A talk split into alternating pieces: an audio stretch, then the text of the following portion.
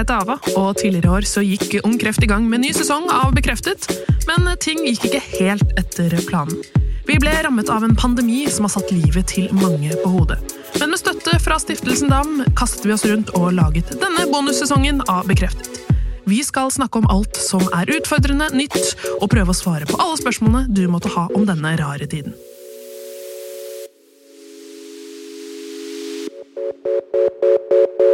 I en kreftsituasjon dukker det opp følelser. Mye følelser. Og hvordan kan man takle alle disse tankene som dukker opp? Hvordan kan man forholde seg til angst og sorg? Inger Linholt hun har uhelbredelig kreft og må sjekke kroppen hver fjerde måned. Det betyr at tre ganger i året må hun vente på beskjeden om kreften er tilbake eller ikke. I tillegg jobber hun for rådgivningstjenesten i Kreftforeningen. I denne episoden snakker vi om følelser og hvordan vi kan takle dem. Inger, hjertelig velkommen. Takk. Eh, kan ikke du fortelle litt om deg selv? Ja, jeg heter Inger. Jeg er 36 år og bor på Vålerenga. Eh, sammen med datteren min Vilde på åtte år og mannen min. Så, så, er jeg sosionom da, og jobber i Kreftforeningen. Ja, som rådgiver. Mm. Ja.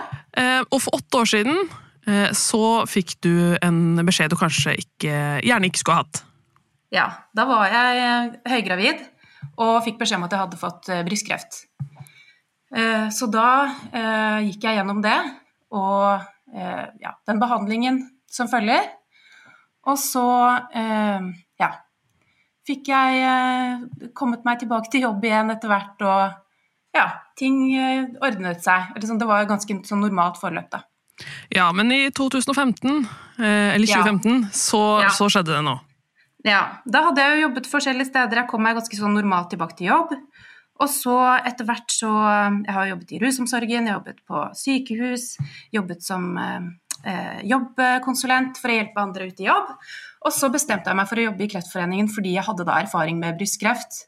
Og tenkte at eh, jeg hadde lyst til å bruke den erfaringen til noe. Eh, og også som sosionom, da. Så da så jeg den stillingen på rådgivningstjenesten, og så tenkte jeg å, det så veldig spennende ut og søkte på den og begynte å jobbe der. Og bare et halvt år etterpå så fikk jeg spredning. Så da uh, fikk jeg den beskjeden på jobb, faktisk. Um, ja. Og hva betyr det for deg, den spredningen? Ja, det, jo, det betyr jo at uh, det hadde spredd seg til hodet, til uh, nakken, til litt forskjellige steder. og um, lungen. og jeg måtte igjen inn i behandling, da. Så det, det var tøft. Det var noe helt annet enn første gang, for å si det sånn. Mm. Ja, og, og hva, hva, Hvordan gikk det denne runde nummer to? Det gikk, eh, det gikk, jo greit. Det var jo tøffere, og tøffere psykisk også.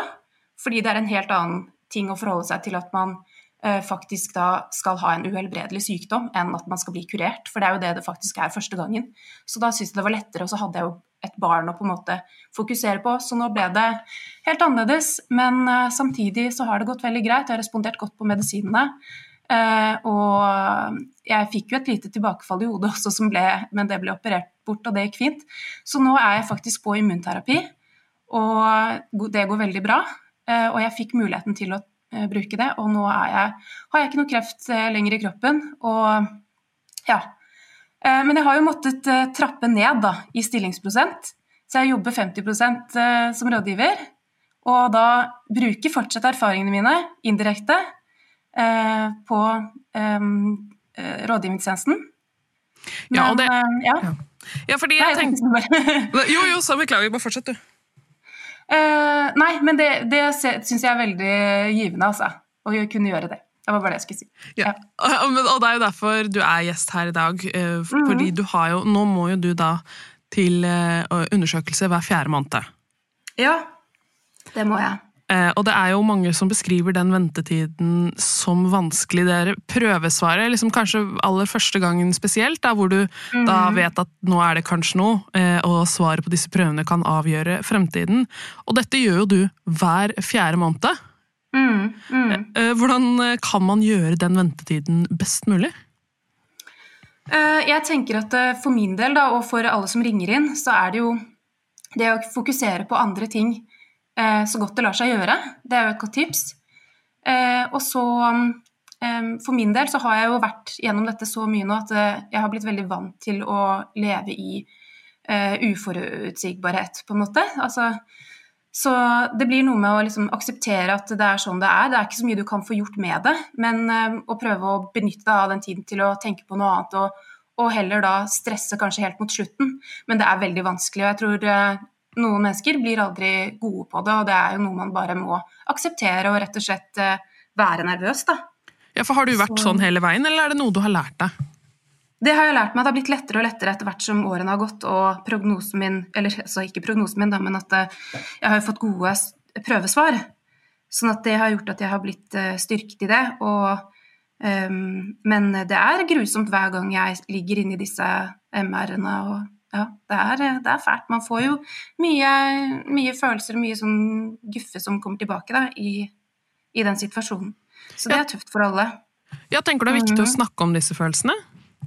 Det tror jeg er kjempeviktig. Absolutt. Det, det er veldig viktig at vi involverer de vi kan, og um, ja. Um, så, så, når man trenger støtte, så er det viktig å, å, prøve å sette ord på det og be om hjelp og ja, alle disse tingene her. Men er nordmenn veldig gode til å både be om hjelp, egentlig, men også snakke om følelser? Jeg tror vi er liksom kjent for å være et litt sånn kaldt folkeslag, da. Men, men, jeg tror at eh, det er litt feil også. Fordi eh, man ser jo det at eh, det å snakke om følelser, det har jo egentlig ikke så mye med liksom, hvor du kommer fra å gjøre. Det handler kanskje mer om miljøet ditt, eh, altså ikke landbakgrunn eller liksom nordmenn generelt, men kanskje alder, om du er ung, gammel, eh, hvordan du er oppvokst, bare rett og slett hvor du bor i Oslo, kultur Altså, det er så mange ting. Kjønn, ikke sant. Det er jo veldig mye som påvirker deg i forhold til hvor åpne, du, åpen du er, da, i forhold til det å snakke om følelser. Så det er ikke jo... noe to streker under svaret der, nei. Nei, men vi blir jo litt uh, Jeg føler det er jo kanskje en litt norsk ting det med å ikke skulle være til bry. Ja. At man ikke skal plage andre unødig, som, mm. som de jo ikke er, men som man kanskje kan tenke. Ja. Ja, det er det kanskje. Um, og det er jo der dere kanskje kommer inn i bildet? Ja, der kommer vi inn i bildet. For uh, hvis man uh, ikke uh, kjenner at man har lyst til å belaste de pårørende for mye, og man ønsker å snakke med noen, så kan man jo ringe til rådgivningstjenesten. Da. Og der jobber jo kreftsykepleiere, Eh, sosionomer, eh, og vi har også noen jurister som kan bistå der. Eh, og der kan man snakke om følelser, man kan snakke om alt innenfor liksom, ja, kreftbehandling, kreft, alt man lurer på i forhold til den situasjonen man står i. Ja. Og, ja, for, hvorfor er det, for kreft er jo på en måte en litt sånn belasta ord i utgangspunktet. Hvorfor tenker du det kan, kreft kanskje kan være litt sånn spesielt vanskelig å snakke om? Mm. Det er jo fordi man forbinder det med døden, og det er tøft. Kjempetøft. Så ja, det er noe med det, altså. At uh, det, er, det er veldig, veldig mye følelser involvert, og man, man blir sånn satt ut av bare å være pårørende. Og å være pårørende til en pårørende òg kan være veldig tøft. For man, man, kjenner på det at det, det er en, en, veldig tøff sykdom, da. Og det er liv og død, rett og slett. Så ja. Ja, du er jo på en måte er jo rådgiver, men du er, har jo også vært er jo kreftrammet og har jo en pårørende. Mm. sånn at Hvordan tenker du at man skal forholde seg til da, en, en, hus, en, husstand, da, for eksempel? Eh, hvordan mm. man skal da liksom forholde seg til da, sine egne, men også pårørendes følelser? Jeg tror det er veldig viktig å snakke åpent om det. Og så, og så tenker jeg å ja, og rett og slett eh, ja, snakke om det eh, så godt det lar seg gjøre. Um, mm. Og så tenker jeg at det er jo også, Pårørende har jo også rett på informasjon, og barn skal involveres også. Det er jo en plikt i forhold til uh, helsepersonelloven, det. Og, og da ja, at man da benytter seg av de mulighetene man har til å snakke om det, åpent om det, også tilpasset alder. Um, ja, og at man uh, rett og slett kan få litt sånn pauser også fra det. Og at man, ja, man må snakke, altså. Man må snakke om hva, det, hva trenger du nå? Hva trenger jeg? Ja. Hva du, gjør dette med deg? Mm. Har du snakket mye om døden? Ja. Eh, når jeg fikk eh, den eh, diagnosen min andre gangen, så ble det jo veldig reelt for meg, da. Så da begynte jeg å diskutere det litt med Ja, ja da snakket jeg en del om det. Og eh, det er jo eh, det er jo vanskelig for pårørende å ta den samtalen, så det ble vel heller eh, helsepersonell jeg brukte, altså. For å diskutere de helt mørkeste temaene. Mm. Men um, mm, det, ja, for, fordi det jeg, er, ja, jeg har vært veldig opptatt av å fylle, fylle, livet mitt med mest mulig liv og minst mulig død. Så for meg så um, har det vært viktig å gå ned i det og uh, snakke om det og gråte sammen og ha det fælt, men samtidig bruke minst mulig tid på det, og så gå videre. Og tenke på at vi lever, vi skal dø alle sammen, men vi lever først og fremst. Ja, for, det, for det, Som du sier, så kan det jo være vanskelig da, for pårørende å snakke om dette med døden, eller forholde seg til det i det hele tatt. Tenker du at man mm. kanskje skal ta den samtalen med helsepersonell, eller bør man også ha en samtale seg imellom? Begge deler. Og jeg tror at de nærmeste pårørende, når det skjer, så er det helt uunngåelig at man snakker om det. Mm. Men det jo, kan jo være vanskelig å ta opp, da. Hvordan, hvordan setter man i gang en sånn samtale? Um, nei, det er vel Det er vel bare å, å, å, spørre, da. Og hvis det er noen som Hvis man f.eks. har en bestefar, eller man har en far som ikke vil snakke noe særlig om det, så i hvert fall eh, så kan man jo gå Ja, men prøve, å, prøve rett og slett å snakke om det. Altså sånn uh, hvor, Hva tenker du? Hvordan har du det? Um, ja, stille litt åpne spørsmål, og så, så, ser man hva som kommer. Mm. Ja, og nå er det jo mange kreftpasienter som opplever litt sånn dobbel dose fordi det har vært, mm. uh, vært korona, og da har jo mange mange opplever å være isolert. Nå har jo alle vært isolert, men nå eh, kommer finværet. Eh, mm. Alle andre har på en måte begynt å få litt sånn mm. frislipp. Da er det sikkert mm. mange følelser som dukker opp. Mm. Ja, det er nok det. Det er mange som er ensomme, da som er hjemme, og som ikke kan eh, Altså som altså Det med å gå og ha kreftbehandling er jo ensomt i seg selv når du ikke jobber, eller at du, du er hjemme alene. Så det å ikke kunne være så sosial, da, og ikke kunne få besøk kanskje fordi du er eh, i risikogruppe, det er jo med på å gjøre det enda mer, eh, enda mer vanskelig, og at du blir mer isolert, da, rett og slett. Så Hva kan man gjøre med det? De tankene, det, det såkalte FOMO? Ja, ikke sant. Nei, det er jo det å prøve å kanskje ja, gå litt ut. Møte noen mennesker, um, selv om det er uh, korona uh, nå. Hvis man har mulighet til det. Eller så kan man rett og slett uh, ringe. Eller snakke med noen på sykehuset, da. Eller de du bor med. Mm. Du må jo bare gjøre det beste ut av det. Så å snakke med noen er på en måte løsningen på ganske mye? Ja, det å dele hvordan man har det, det er jo styrken i seg selv. Så det, det heier jeg veldig på. Ja. Og så er det jo, eh, det var jo det du inne på i stad, du har jo vært gjennom mm. akkurat det med at du, man, man, får en beskjed om at dette er en sykdom som ikke kommer til å gå over. Ja. Eh, hvordan kan man, liksom, idet man får den beskjeden, forholde seg best mulig til den tanken? Jeg tenker at eh, det er viktig å være åpen og snakke med de helt nærmeste om det først, kanskje. Og så eh, rett og slett eh, eh, skaffe mest mulig informasjon om hva du har av verktøy rundt deg. Hva slags medisiner kan jeg få? Hva slags behandling er det for meg der ute? Eh, still de spørsmålene. Det som vi ser i rådgivningstjenesten, og jeg har sett også, det er at det, det som gjør deg ekstra sårbar eh, som kreftpasient og som eh, alvorlig kreftsyk, er jo det at du ikke vet. Og, og, det er jo en uvisshet i det å leve og det å ha kreft i seg selv. Men hvis du får mest mulig informasjon, mest mulig trygghet rundt det, det er mulig, og mest mulig håp, og mest mulig av dette, denne informasjonen du kan få, så kan det styrke deg, og, kan, eh, og det, det, gjør, deg, gjør at du kan leve med det på en bedre måte. Da. For da har du i hvert fall alt det under kontroll. Du vet hva du har å forholde deg til. For det ja, den uforutsigbarheten, den er der alltid. Men noen ting kan man faktisk sørge for at eh, man vet, da, og da kan man f.eks. ringe rådgivningstjenesten. Hvis det er noe du lurer på i forhold til sykdommen, eller For det, helsepersonell er jo ikke til stede hele tiden. Da, og de, det er ofte at de kan gi informasjon, men så får du det ikke med deg fordi du kanskje er stressa, eller at de rett og slett ikke har tid til å informere deg om alt. Så da, da kan man ringe oss. Ja. Ja, fordi jeg, jeg, kan jo se for meg at når man får en sånn beskjed, så er jo ikke det mm. det, det, må jo ta litt tid før det liksom synker inn hva det egentlig betyr. Ja. Det er jo en helt jævlig beskjed å få. At, eh, at du ja, rett og slett er eh, uhelbredelig syk. Altså, men samtidig så er det nå, og ting kan skje, altså ting kan forandre seg.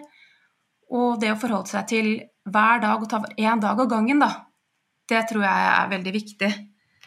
Um, sånn i starten i hvert fall. Og så etter hvert så kan man kanskje ha litt lengre perspektiv, men jeg tror det er viktig uansett. Jeg også bare tenker at uh, vi lever dag for dag, ingen vet hva som kommer i morgen. Jeg tror det er et veldig... Og så tenke at uh, vi har også ganske mange muligheter her i Norge. Hvis man ser, ser inn i seg selv, og så ser man litt på hva du har her, og så ser man rundt i verden. Hva er det de har der ute? Du har små barn i Moira-leiren, liksom. Du har kreft i Hva om jeg hadde fått brystkreft i Thailand? Altså, jeg prøver å tenke åpne perspektivet mitt litt, for å være litt takknemlig for det jeg har også, da. Og det kan jeg si med spredning og uten helt å vite hvor lenge jeg kommer til å leve. Men jeg har også mye bra. Og, og, ta, og jeg vet at mange ikke har de samme mulighetene som meg. Men selv der er det også kanskje noe man kan gjøre for å gjøre hverdagen sin litt bedre. Og gjøre den tiden med kreften også bedre. Da. Og, og du, da må man utforske det. Mm. Ja, og det skjer jo mye i forskning. Plutselig mm. nesten det som kan virke for oss som ikke driver med det, kanskje, litt over natta. Så mm. kommer det gjennombrudd. Og det har jo skjedd noe ting bare denne uka her. Mm. Ja. Så det, det, er jo, det er jo alltids muligheter, og det går, det går raskt framover. Ja. Du tenker på den bioteknologiloven og sånn? Nei, jeg tenkte på han Det var en forsker i Stavanger som, hadde, som tror nå at de kan uh, identifisere kreftceller uh, ja. som man ikke får uh, Ved hjelp av blodprøver som ikke har sprunget ut enda, holdt jeg på å si. Ja, ja. Rest, ja. Så, og der har det jo Ja. Så ting skjer jo. Mm. Mm, absolutt. Men det tar tid. Men det, ting skjer mm. hele tiden. Og bare fra da jeg fikk diagnosen min første gang til nå, så har jeg fått de, mul de, de mulighetene og de medisinene jeg trenger. Og det skjer bare på fem år, så har det skjedd veldig mye. Så ja. Det er en rasende utvikling, det er det. Så man må bare prøve å tenke på det og tenke at det er håp. Håp til det siste. For Vi har jo vært innom liksom det å være, viktigheten av å snakke om ting, og at du må finne mm. noen med liksom råd og informasjon og sånn, mm. men, men, det er jo uh, ingen hemmelighet at det er mye tanker som kverner, og bekymringer eh, som kan mm. bli et problem. Da, man, hvis, mm. man, og spesielt hvis man er mye inne, så er det lett å liksom la seg liksom, mm. overvelde av liksom, frykt ja. og angst og usikkerhet. Hvordan kan man legge inn liksom, tankepauser? Jeg tenker heller at man kan legge inn Eh, pauser for å sørge. Og prøve å fylle dagene med noe. Finne ut av hva, du, hva som gir deg energi. Se, hva kan du se på TV som du blir litt glad av? Og så kjenne på de følelsene. Selvfølgelig, det skal man. For ellers så blir man jo helt gæren hvis man ikke går inn i det som er tøft og vanskelig og graver seg litt ned. Det skal man. Men jeg tenker også ikke være der for lenge, og så kjenne på, um, kjenne på det. Men også se gjøre ting som eh, ja, gir deg energi, og finne ut av hva det er. Det kan være en tur ut, eller det kan være en telefonsamtale, eller å se noe morsomt på TV. Å, og for det du fyller tankene med, det er jo det som det, Hvis du tenker glade tanker, da, så får det kroppen din um, ja, reagerer jo på det. Sånn at og selv om du får disse negative tankene som du skal kjenne på, så kan det kanskje være lurt å lurt å um, ja, um, tenke mest altså Prøve å tenke Hva er det som gir meg energi? Hva er det jeg blir glad i i hverdagen min? Ja. Gjøre ting som gjør deg glad, og så sette av tid. Det har vi jo vært inne på i tidligere episode. Sette av tid til følelser. Ja, men det er litt vanskelig det også, for følelser er der jo hele tiden. Man er jo De negative følelsene, da. Ikke, ja, ikke, at man skal ja. Mm, sett litt tid. Ja, sette av litt tid til det også. Ja, rett og slett eh, ja, sette av tid til det. Det kan være lurt, ja. Mm. Ja, for man får jo litt sånn Man eh, får litt sånn beskjed om at eh, ja, nå må du ikke tenke negativt, må heller tenke positivt. Men det er vel ganske viktig å ha litt negative tanker òg? Absolutt. Kjempeviktig. Og så kanskje få tak i Finne noen likepersoner. da. Noen som har det på samme måte som deg, kan være bra. Og også ja, snakke om det vanskelige med familie og pårørende. og ja. Så å vite at de er der for deg, da. Og, mm. Fordi, det har blitt veldig, sånn, veldig, populært med yoga og mindfulness og sånn. Er det noe du har prøvd? Ja. Mm. Hva syns du? Nei, jeg syns det er veldig deilig, og jeg, jeg er jo litt sånn person som liker det. Eh, fordi eh, når man kjenner på stress, så legger det seg i kroppen, og det gjør det jo. Det gjør det for meg masse. Men det å kunne da å gå ut og ta meg en sykkeltur, eh, legge meg på matta, eh, drive med litt yoga, eh, finne pusterom, gå og liksom rett og slett bare prøve å puste litt når det blir for eh, strevsomt, det er veldig Det gir meg mye Ja. Det gir meg mye, rett og slett. Så det, det er viktig. Mm. Ja, for det kan jeg se for meg at uh, jeg har jo på en måte prøvd. Uh, er, er det en Mhm. slags kneik man må komme over dette med å liksom tømme hodet for tanker? Nei, men jeg tror at det, hvis du um, kjenner at du er stressa, og da uh, prøver å tømme deg litt, altså da puster Prøv å puste, altså kjenner at du bygger deg opp stress, og da prøver å liksom slappe av, puste litt, og kanskje gjøre noe annet som får deg på andre tanker. Det trenger ikke være yoga eller mindfulness, det kan jo bare være eh, å gå, og, gå en tur eller trene litt. Og så Ja, det tror jeg kan være bra. Mm. Og det er, men det er jo heldigvis veldig mange som blir friske av kreft. Ja. Eh, men da er jo kanskje ikke Man er kanskje en litt annen person etterpå enn det man var før Mhm. behandlingen. Og det, det Mhm. virker jo ikke Og alle er jo ikke like forberedt på det. Eh, så man tenker at man skal opprettholde den samme livsstilen som man hadde før. Og det kan jo føre til at man får en, litt, eh, får en liten smell. Så hvordan kan man da slå seg til ro med at man er en litt annen person nå? Mm. Jeg tenker at de fleste kommer til å gå på den smellen.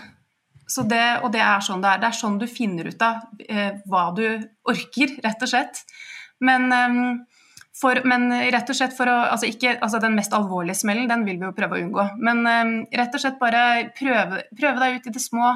Det er normalt å kjenne på fatigue i, rett etter den første kreftoperasjonen din og den, første, liksom, første gang du får cellegift, da, så er det veldig vanlig at kroppen blir sliten.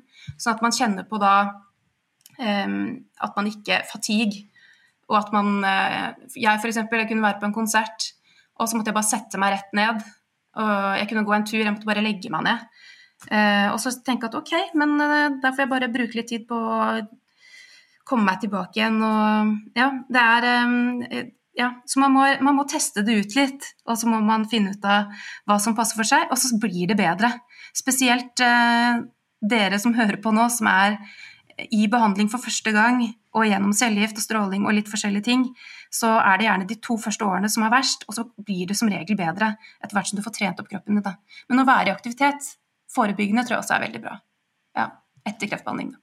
Mm. Det høres ut som veldig eh, nyttig, Ralf. Jeg tror man kan kanskje føle seg litt eh, eh, Det er jo lett å føle seg mislykka når man prøver på ting man ikke får til som man fikk til veldig lett før. Mm. Men man må huske på at det jeg pleier å si, da, er at den strålingen og den cellegiften har jo vært et angrep på kroppen, så kroppen er rett og slett utslitt. Så når du da prøver å begynne å trene igjen, og sånn, så er man sliten fordi kroppen sier vet du, nå kan du ikke herje med meg mer. Nå er jeg sliten, nå er jeg så utslitt, så nå må du ta, ta det litt med ro. Men man kan også, da kan man finne ut ok, istedenfor å jogge den turen, kanskje jeg skal gå den turen. Kanskje jeg skal be en venninne bli med meg, så kan vi snakke litt sammen, for de gir meg energi. Og så finne en litt sånn ny normal, da, rett og slett. Mm. Bli kjent med seg selv på nytt. Ja, ja. Mm. Mm, Vi, skal, vi må faktisk begynne å runde av, men Mm. har du noen siste tips til hvordan man kan takle vanskelige tanker? Ja, jeg tenker at um, man kan jo selvfølgelig snakke med venner, familie og, og helsepersonell. Men så kan man jo ringe til eh, rådgivningstjenesten da, i Kreftforeningen, der hvor jeg jobber. Eh, og der kan du snakke med eh, sykepleiere, kreftsykepleiere og sosionomer. Og ja, ta kontakt med oss, så kan vi Og vi, det er helt anonymt. Og ja, vi kan snakke om vanskelige følelser, og vi kan høre på deg. Og ja, det er eh, 21 49 49 21. Mm, det er telefonnummeret. Og chat har vi òg. Vi har chat, så det, da blir det enda enklere.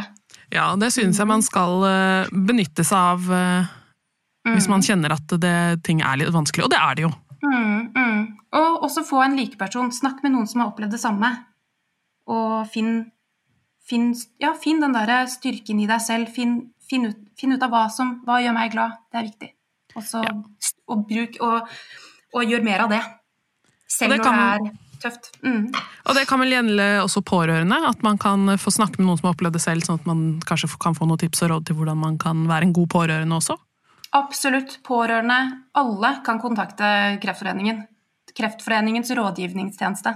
Mm. Så det, mm, det er absolutt bare å ta kontakt der. Mm. Og med de ordene så takker jeg for besøkinger. Jo, takk selv. Det har vært eh, veldig informativt, og jeg har bare lyst til å ønske deg lykke til. Ja, tusen takk for det. ha det. Ha det!